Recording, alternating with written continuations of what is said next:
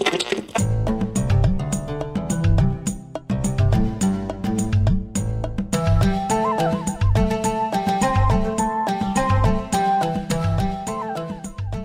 عليكم ورحمة الله وبركاته. مرحبا بكم في حلقة جديدة ولقاء جديد في دم البودكاست صوت القرن الأفريقي. معكم اليوم محمد علي ورسمة في حلقة جديدة.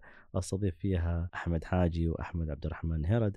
في حلقة عن الهجرة إلى بريطانيا. إحنا الثلاثة قلنا من دولنا وهاجرنا إلى بريطانيا بدوافع وأمال مختلفة. نريد نشارككم إياها الليلة في حلقتنا. وتكون جزء من من هذه القصة اللي إحنا اليوم حنشارككم فيها. تستمتعون معنا إن شاء الله اليوم. في البداية أرحب بصديقي العزيز أحمد حاجي. حيا الله محمد وحيا الله بالمستمعين الكرام. تحية خاصة لصديقي العزيز كمان أحمد هرد. حياك الله وبياك يا أخوي محمد. تحياتي لأحمد حاجي وتحياتي للمستمعين. طبعا في هاي الهجرة وفي هذا الانتقال إحنا مرنا بتجارب ومواقف مختلفة. بس قبل ما نتكلم عن التجارب والمواقف شباب أنتم متى هاجرتوا على بريطانيا؟ أنا عن نفسي كانت آه، أواخر 2016 إذا نوفمبر 2016 كانت لحظة وصولي إلى مدينة الضباب.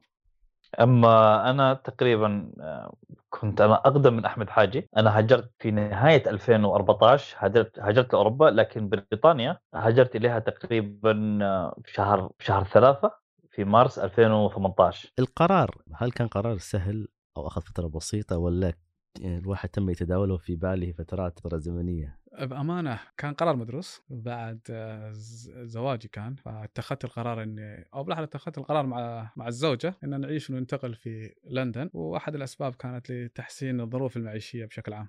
أنا سببي نوعا ما مختلف عن سبب أحمد حاجي. يعني أنا كنت أبحث عن قيمة ما عشتها خلال 33 سنة آه، لأن أنا هاجرت لأوروبا وأنا عمري 33 سنة. في قيم كثيرة أنا ما عشتها في سابقا. احدى القيم هذه كانت الحرية يعني الحرية في اتخاذ القرار الحرية في تشكيل الحياة اللي أنا أريدها الحرية في التعبير عن الأفكار الحرية في التفكير يعني بحد ذاته يعني. كان هذا السبب الرئيسي اللي أنا خلاني آه، أهاجر. أنا كنت تقريبا قبلكم بكثير. أنا أنا جيت بريطانيا آه، نهاية عام 2002 2000 تقريبا. كان عمري صغير حيل يعني. وكانت الفكرة قرار مش قراري الشخصي كان قرار عائلي العائلة كلها إنها تيجي هنا بريطانيا. آه، للبحث عن فرصة خاصة أن بريطانيا كانت معروفة في قضية التعليم وكان هاجس كبير بالنسبة للأهل خاصة للوالدة. موضوع التعليم يكون عندنا ميسر ومسهل وناخذ أحسن الفرص. وكان بريطانيا آه، مكان جدا مرشح آه، ومرشح جدا ممتاز في هذا الشيء. ومن يومها القرار كان مش قراري كان قرار العائلة أكثر بالنسبة لي. لكن شو الفرص؟ يعني أنا في جوابي يمكن قلت لكم مثلا الفرص اللي ما كانت متوفرة بالنسبة لي كمحمد كانت موضوع التعليم. بالنسبة لكم أنتم شو الفرص اللي افتقدتوها هناك ودفعتكم إلى الهجرة؟ ما قبل الهجرة مثلا آه، البحث العلمي. أنا هذه كانت فرصة ما لقيتها ما ما تحصلت عليها يعني. كانت هذه أحد الأسباب اللي خلتني أنا أهاجر للغرب. أكيد أحمد وأنا أعرفك تحب ال British Library يعني قصة عشق خاصة بينك وبين ال British Library فطبعا هنا الموارد الم- الموارد المتوفرة هنا كانت جدا يعني داعمة لرؤيتك هذه. آه، السؤال اللي الثاني اللي في بالي اللي اسالكم شباب فيه هو قبل ما تيجوا بريطانيا شو الأفكار المسبقة اللي كانت في بالكم قبل ما تيجوا بريطانيا؟ بالإنجليزي ال perception أو التصور اللي كان موجود عندكم عن المجتمع البريطاني؟ كنت أسمع إنهم عنصريين. آه، شعب ما تقدر تعيش معاه ما تقدر تمارس عاداتك الدينية. هذه الأشياء اللي كنت أسمعها يعني. آه، أنا تقريبا أفكاري أفكاري المسبقة يعني أو مثل ما يقولوا عليها بال English preconceived idea إحنا طبعا اجينا من بلدان عربية. البلدان العربية آه، طبعا هم عندهم قالب لكل الشعوب في العالم يعني. يعني عندهم قالب للشعوب الغربية عندهم قالب مثلا القرن الأفريقي عندهم قالب أفريقيا أو بلدان آسيوية وهكذا. فكانت إحدى القوالب حطوها للغرب. الغربيين ناس متحللين اخلاقيا إنهم آه، ناس ماديين الروابط الاجتماعية مفككة عندهم لأقصى حد، يعني الحياة عندهم كغابة يعني أو كغابة متطورة، هذه هي الأفكار المسبقة اللي أنا كانت موجودة عندي آه، عن الغرب قبل لا أهاجر اليه. اكد على فكرة أحمد حاجة إن ممارسة دينك حيكون في صعوبة. هذه أكيد أتفق معاه. هذا هذا تصور كان عندي. آه، وتصور كمان أتفق معك في تصورك قضية الانحلال الأخلاقي. هذه بعد والتفكك الأسري. هذه كانت فعلا شيء مسبق عندي موجود. وإن العيال اللي حيروحوا هناك حيخسروا دينهم واللي حيروحوا هناك آه، آه، العوائل حتتضارب وحتتفكك والزوج حيتضارب مع زوجته. وهاي الأمور هذه هاي كانت أكيد أفكار مسبقة موجودة عندي. بس هاي بالنسبة للسلبية شو الأفكار الإيجابية اللي كانت موجودة عندكم عن بريطانيا قبل ما تيجوا أعتقد فرص العمل كان يعني كنت أسمعها متوفرة بشكل كبير في بريطانيا. هذا الشيء اللي أنا فتح لي المجال. أما أنا بالنسبة لي ال- أحد الأفكار الإيجابية كانت موجودة عن البريطانيين تحديدا قبل لا أنا أجي لبريطانيا إن هم شعب يعني بانكتشوال يعني عرفت كيف؟ يعني إن هم ناس ملتزمين بالوقت وبالمواعيد. لكن للأسف الشديد اكتشفت إنه البريطانيين آه، ليسوا ملتزمين بالمواعيد يعني بالشكل اللي إحنا كنا قاعدين نتصوره يعني. حنيجي على نقد يعني حنيجي نقارن ال- ال- الأفكار المسبقه مع مع مع ما وجدناه صراحة يعني في في بريطانيا صراحة. أنا أنا أضيف في النقطة هذه إن التكنولوجيا إن الدولة أو أو سواء ال- ال- الشركات أو نظام العمل الموجود يعني سيكون متقدما على كل الدول العالم. فيها هذه واحدة من الأشياء اللي كانت آه، الإيجابية اللي كانت عندي إنها فعلا دولة متقدمة في عملية بناء الشركات والمؤسسات والعمل وال- آه، والبزنس ورعاية الأعمال والأمور هذه.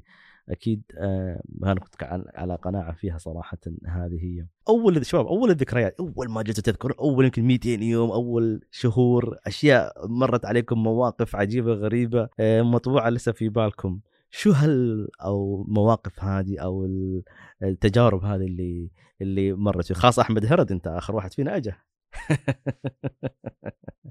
هو بصراحة آه، أغلب أغلب الذكريات في بداية دخولي لبريطانيا كانت متعلقة في اللغة، طبعا هذه كانت آه، بالنسبة لي كانت صدمة وكانت بالنسبة لي مأساة، يعني أنا درست اللغة الإنجليزية على مدار سنوات طويلة جدا في المدرسة وبعد كذا درست درست طب الأسنان باللغة الإنجليزية، لكن آه، لما وصلت لبريطانيا اكتشفت إن الإنجليزي اللي أنا كنت قاعد أتكلم فيه هو مختلف تماما عن عن اللغة الإنجليزية الممارسة في الشارع، فكانت هاي بالنسبة لي كانت صدمة للوهلة الأولى يعني. لدرجة إن أنا كنت يعني لما أنا كنت أروح للبقال يعني كنت أنا أعيد عليه السؤال مرتين أو مرات ثلاث مرات. لأنه طريقة نطقي.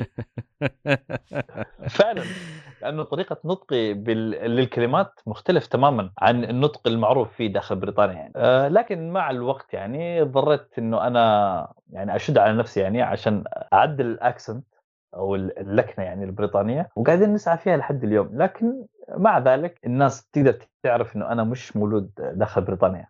أحمد هرد ما يشفع لك يا صديقي. أنت رحت ال north أول ما جيت. هذول حتى حتى الإنجليزي اللي في ال south صعب عليهم يفهموهم فلا تلوم نفسك لوحدك.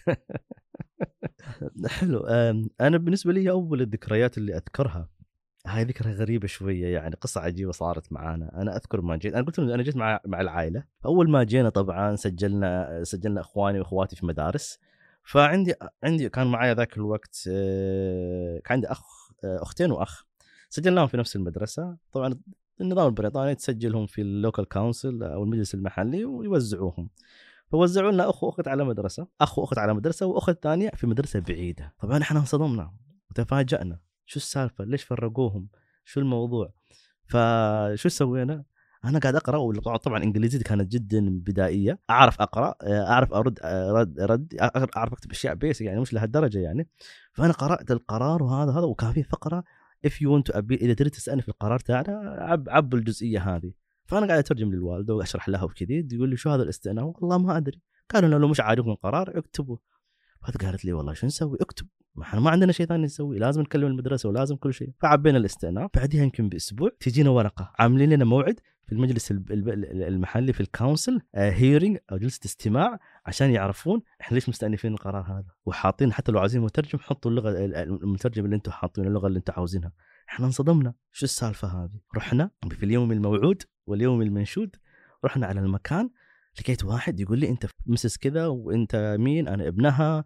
أيوه عندكم هيرنج حتدخل بعد شوية. للأسف ما عندنا مترجم لغة عربية اللي طلبتوه. وما عندنا إحنا آه، مترجم لغة صومالية فللأسف. فقلت له إحنا محتاجين مترجم كلمة بالانجليزي قال لي ما شاء الله تتكلم إنجليزي كويس تقدر تترجم حق أمك. قلت له لكن لا لا لا. هاي من الأشياء الإيجابية جدا جدا الجميلة في البريطانيين إنت حتى لو تكسر في الإنجليزي يراعوك ويصبرون عليك. دخلت ال hearing طلع ال hearing في جلسة independent committee جلسة آه، مستقلة. إحنا رافعين على أساس إحنا رافعين قضية على المدرسة. okay. إنهم رفضوا يودوا أختي. وإحنا والمدرسة قاعدين آه، نحط ال case مالتنا مع ال- ال- اللجنة المستقلة هذه ويسألونا ليش متو... ليش شو فيها بنتكم لو راحت المدرسة هاي؟ إحنا نقول لهم إنها بعيدة والبنت ما تعرف لغة إنجليزية وما عندها أحد هناك والمدرسة فيها آه، المدرسة الثانية إحنا عاوزينها فيها اخو أختها وفي مدرسين من نفس اللغة تاعتك يقدروا يساعدوها فقدرت على الاندماج و و و و وقعدنا نشرح وإحنا والمدرسة قاعدين في حالة صراع نقنع اللجنة المستقلة بأحقية بحقي بحقنا هذا. ففي النهاية قالوا لنا حيجيكم قرار إن شاء الله بعد أسبوع قرار نهائي. وحكموا لصالحنا إن البنت تروح أختي تروح المدرسة هذه غصبا عن عن المدرسة اللي رفضتنا. هنا كانت بالنسبة لنا تجربة غير يعني إحنا إحنا التجربة لما كنا في في الدول العربية لما كانوا يحطون مدرسه منباها يقول لك عندك واسطة؟ كاش كانوا يقولون عندك واسطة؟ لا اخلي ابنك مع السلامة. فهذه كانت بالنسبة لي أنا والوالدة حاجة صعبة. طبعا لأنه التعليم والصحة لهم قيمة كبيرة في المجتمع البريطاني فعشان كذي دائما يكون في تسهيلات كثيرة تقدم من ناحية التعليم. يعني هم واصلين لدرجة إنه خلينا نحن نعلمك بأي شكل من الأشكال. فعشان كذي دائما في تسهيل في الإجراءات في تسهيل في الانتساب في تسهيل في كل شيء يعني. آه، في المدرسة في الجامعة في المعاهد العلمية. في سهولة شديدة يعني في سلاسة في الإجراءات دائما. أحمد حاجي أشوفك ساكت. المواقف اللي كانت يعني ما أنساها إني أول ما بديت الدوام. طبعا نفس ما قال أحمد هرد اللغة كانت أحد الحواجز اللغة البريطانية بالذات يعني. فأذكر كان ال manager جاي من اسكتلند فتكلم معي بالاسكتلنديه يعني. فما فهمته بأمانة. فقلت له لو سمحت ممكن تتكلم إنجليزي؟ فضحك. فبعدها قال لي بعدها اتكلم يعني ال academic ال English يعني اللي تقدر تفهمها يعني. قال لي لا نحن لغتنا مختلفة ال accent حقنا مختلف عن أهل لندن. كانت هذه إحدى المواقف اللي خلتني أضحك عليها يعني.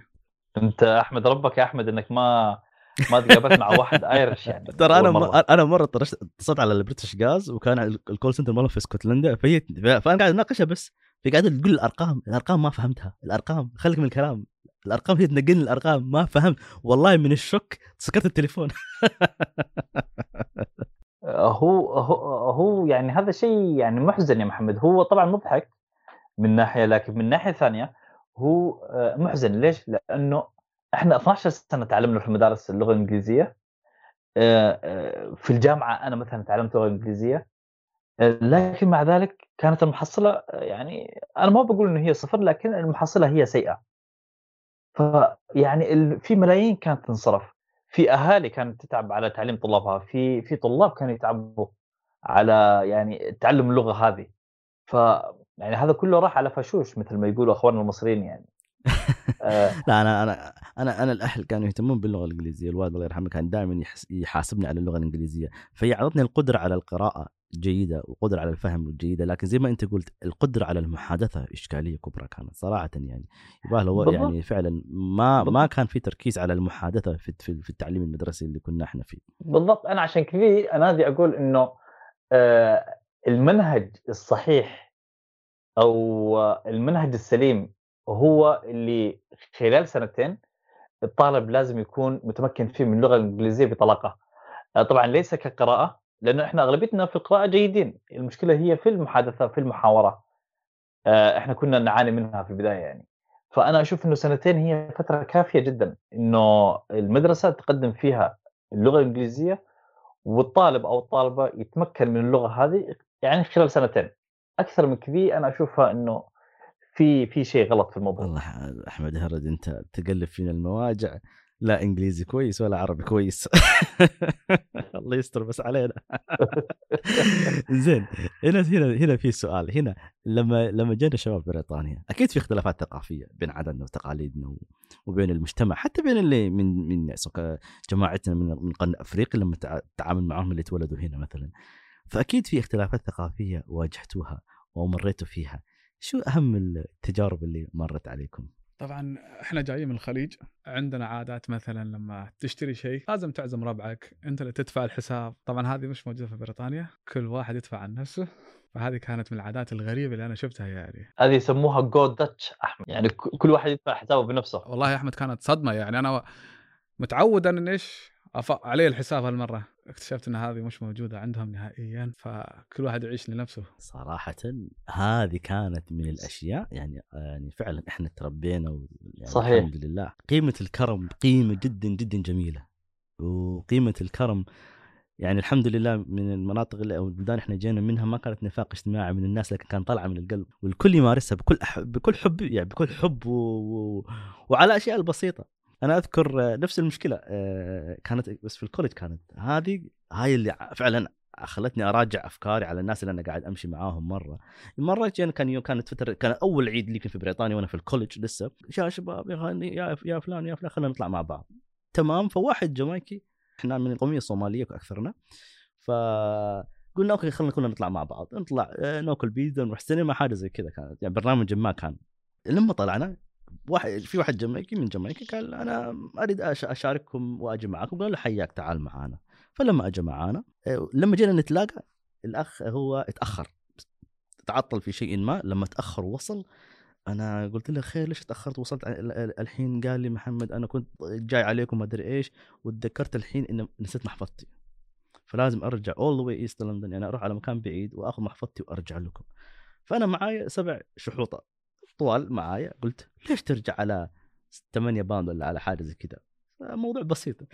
أنا المسكين يعني شوف الموضوع أنا شفت أنا قلت ما عندي المبلغ كامل أكيد بشوفهم بس عشان يكملوا عني يعني. فرحت لهم يا شباب ترى الولد الفلاني صار له ظرف معين وكذا وكذا بيرجع all the way على على بيته علشان يجيب الفلوس ولا حاجة زي كذا. شو رأيكم؟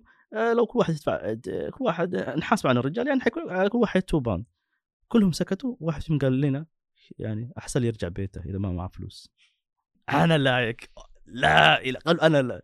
أنا حد شادني ببطني. والله حد شادني ببطني؟ بطني وجعتني. ما عرفت شو أقول. بعدين الكل هز راسه اتفاقا على اللي قاله.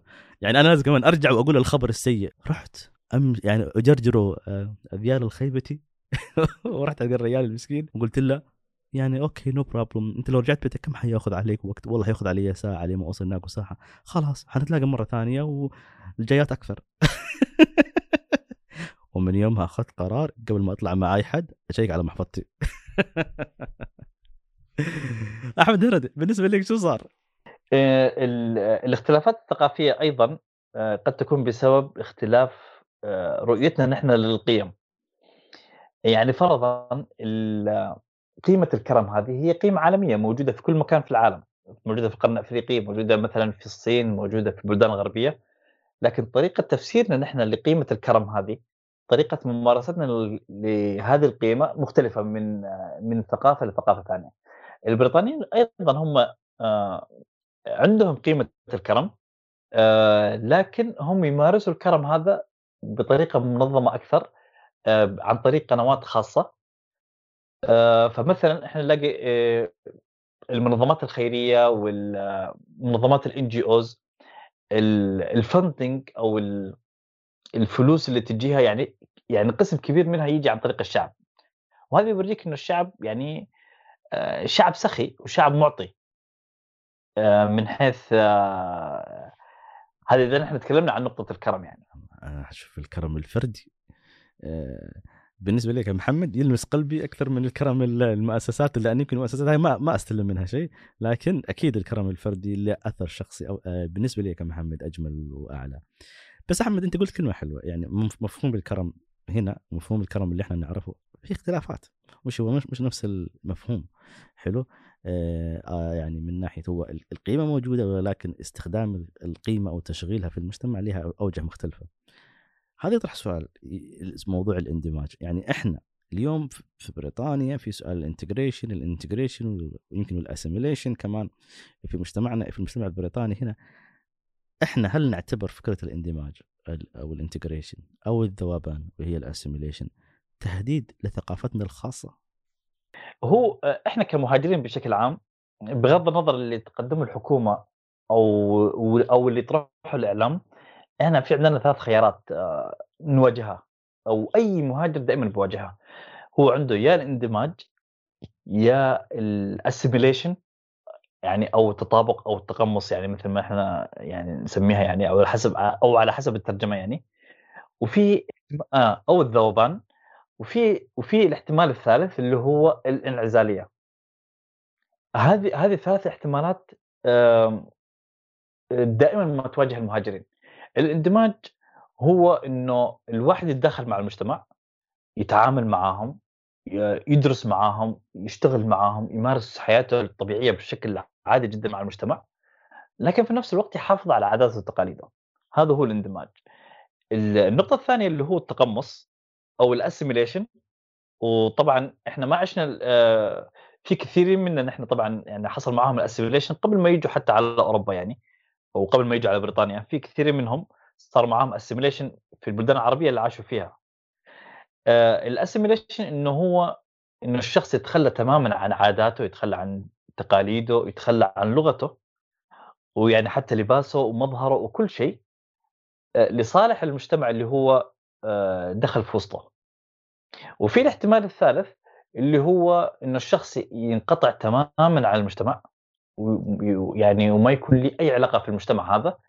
ممكن الشيء الوحيد اللي يثبت إنه هو داخل بريطانيا اختام الدخول والخروج آه، في في الباسبورت فقط يعني.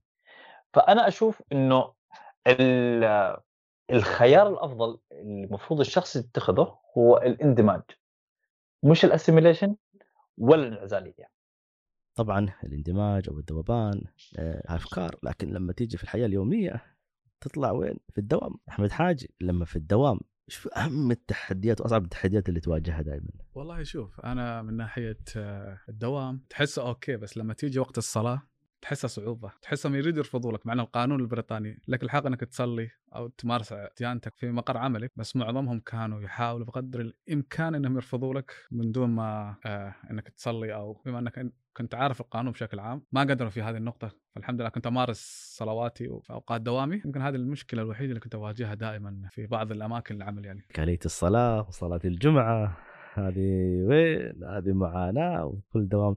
ولما تبدأ دوام جديد لازم تتأكد في مكان وتتفاهم مع مديرك وتح... وتقول لهم أنا يوم الجمعة عندي الساعة الفلانية و... أتمنى إنه إنه نحن بعد 40 سنة ما نسمع بودكاست ثاني نتكلم إنه نحن هاجرنا لبلد آخر يعني. لأنه لأنه نحن لأنه نحن في لأنه لأنه نحن عندنا آه، دورة هجرات يعني دائما. إحنا كل 40 سنة أو كل 50 سنة آه نهاجر لمكان ما. يعني قبل قبل 50 سنة أو مثلا قبل مثلا قبل 100 سنة الناس هاجروا مثلا لعدن. آه قبل 50 سنة الناس هاجروا مثلا لبلدان الخليج. آه قبل 40 سنة هاجروا الناس لبريطانيا وأوروبا. فالله يستر من القادم يعني. وإحنا ما نروح نهاجر كل مرة من مكان لمكان ثاني يعني. أنا للفارس يعني يستريح. أنا للفارس يعني يستريح. في الختام أشكركم جميعا على الحلقة الجميلة. أحمد حاجي أحمد هرد أشكركم شكرا جزيلا. جميعا إن شاء الله نلتقي في حلقات ثانية مع مستمعينا الكرام أخواتنا المستمعات. لا تنسونا في ال subscribe لا تنسونا في اللايكات ولا تنسونا في التفاعل على صفحات ال social media. ترى تفاعلكم هو اللي حيخلينا نستمر تفاعلكم هو اللي حيخلينا دائما ننتج ونبدع إن شاء الله ونرضيكم في الختام السلام عليكم ورحمة الله وبركاته. تم البودكاست صوت القرن الأفريقي.